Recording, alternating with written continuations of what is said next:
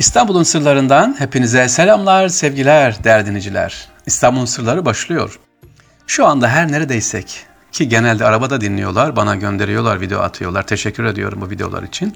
Hepinize teşekkürler. Kulağınızı bize misafir ettiğiniz için. Ve Allah razı olsun teşekkür ediyoruz. Sevgili dinleyiciler, yurt dışından çok dinleyenlerimiz var. Hollanda'ya teşekkür ediyorum bu hafta. En çok video ve sorular oradan geldi. Merak ediyorlarmış. Sağ olsun. Belçika, Almanya, Fransa. Teşekkür ederiz. İnşallah diğer yerlerden de yurt dışından da dinleniyor tabii. Afrika'dan, e, Azerbaycan unutmayacağız. Allah razı olsun. Kulağınızı bize verdiğiniz için vaktinizi aldık. Teşekkür ederiz. İnşallah bu dinledikleriniz sadaka olur. Siz de aktarırsınız. Sevgili dinleyiciler bugün günlük kullandığımız bazı kelimeleri size açıklamak istiyorum acaba gerçek manasını biliyor muyuz? Mesela canavar ne demek? Canavar. Aslında canavar Farsça can ve ruh demek. Aver ise getirmek. Yani canavar, canaverden canavar olmuş. Can getiren, yani can ve ruh taşıyan demek. Sonradan ucube yaratık anlamı gelmiş. Ya canavarın aslı neymiş? Can getirenmiş. Ruh taşıyan demek. Peki kullandığımız bir başka kelime var sevgili dinleyiciler. Karne. Aslında karne Fransızca defter anlamına gelen karnet kelimesinden Latince dört demek olan quatur sözcüğüne kadar gider. Yani dört yüzü defter demek karne. Dört yüzü defter demek. Niye?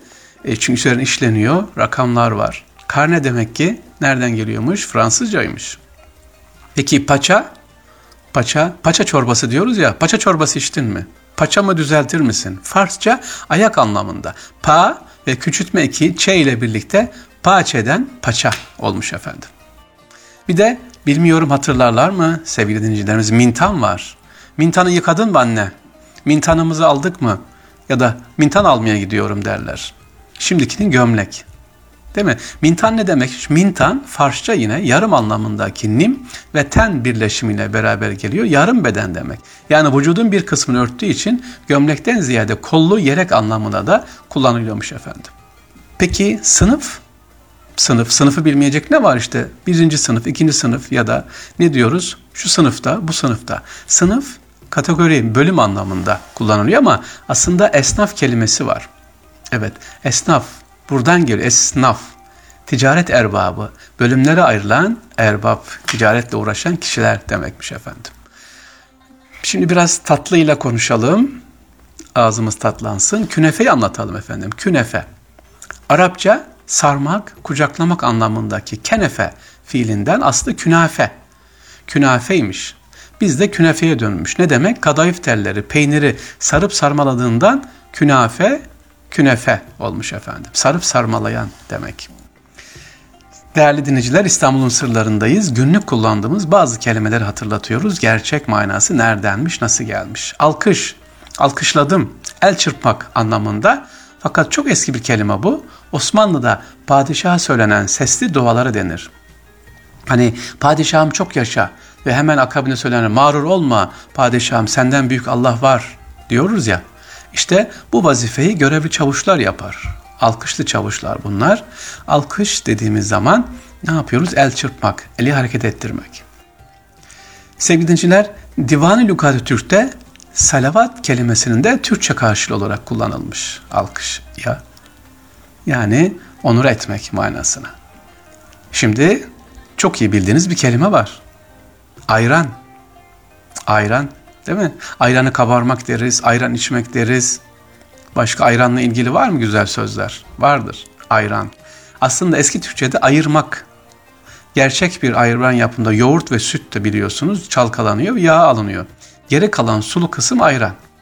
Suyunu yağından ayırdığı için ayıran deniyor efendim. Şimdi ayran denince sadece yoğurda su katmak anlaşılıyor. Bir de sevgili dinleyiciler sevgili özellikle öğrenciler beni dinliyorsanız yanlış kullanılan bir deyimi söyleyeceğiz. Anti parantez diyoruz. Hani bir şey açıklıyoruz, bir konuyu açıklayacağız. Orada duruyoruz. Anti parantez şöyle, şunu da ekleyeceğim diyoruz. Aslında böyle bir tabir yok. Fransızca enter parantez var. Parantez içinde demek. Laf arasında anlamların hiç olmazsa antir parantez şeklinde telaffuz ediliyor ki bu yanlış bir deyim efendim. Evet devam ediyoruz. Başka? Cübbe Cübbeyi anlatalım. Cübbemi getir, cübbe giydim. Osmanlı'da yaygın olan ve bugün e, bazı cemaat ve meslek gruplarının giydiği bu elbise aslında Endülüs etkisiyle İspanya'dan bütün Avrupa'ya yayılıyor. Oradan da Fransızcanın etkisiyle tabii ki İstanbul'a geliyor. Aslı neymiş bugünkü cübbenin aslı? İyi düşünün Fransızcaymış. Jüpe. İngilizce'deki ceket, jüpe kelimeleri cübbe birleşiyor efendim. Fransızca jüpe, İngilizce'deki jacket, cübbe kelimeleriyle cübbe oradan çıkmış efendim. Ve masaj kelimesi var. İlginç. Avrupa'dan aldığımız bu kelime Arapça ovmak, mes etmek anlamındaki mes kelimesinden Avrupa'ya gitmiş, Avrupa'dan geri bize gelmiş. Aslı ne? Mes. Mes ne olmuş? Masaj olmuş. Masaj yapar mısın? Aslı ne? Mes yapar mısın? Mes diyoruz efendim. İstanbul'la ilgili kelimelerimiz, kullandıklarımızdan bazılarını anlattık size. Başka sevgili dinleyiciler, sana zırnık koklatmam diyoruz. Değil mi? Zırnık. Zırnık ne demekmiş? Farsça zernih kelimesinden. Bilhassa dericilik sanayisi kullanılan bir kimyasal bir madde. Yani deri dökmekte kullanılır ve çok ağır kokar. Bu itici kokusundan dolayı deyim içine yerleşiyor. Zırnık koklatmamak. Yani en ufak bir şeyi bile vermemek. Kimyasal bir madde zırnık ve çok kötü kokuyor. Çok pis kokuyor. Bunu bile sana vermem esirgerim demek istiyor efendim. Hurda, hurda, hurdacı, hurdacı geldi diyoruz. Hurda. Bu da Farsça. Ufak tefek, gereksiz şey demek. Hurdacı da bunları toplayan kişi sevgili dinleyiciler. Çok kullandığımız, aslında Türkçe zannettiğimiz ama bir kelime daha var. Detay. Fransızca detail kelimesinin telaffuzu. İngilizceye de Türkçe'ye de yine Fransızcadan geçmiş detay. Detay vermek. Biraz detay verir misin? ne demek? Doğrusu ne? Detay. Yani biraz açıklama, geniş bilgi verir misin? Diyoruz dememiz gerekir. Fransızcasını kullanıyoruz detay. Belki bu kelimeyi bilmeyebilir gençlerimiz ama annelerimiz babalarımız kullanırlardı. Berduş gibi gezme oğlum derlerdi. Berduş. Berduş ne demek?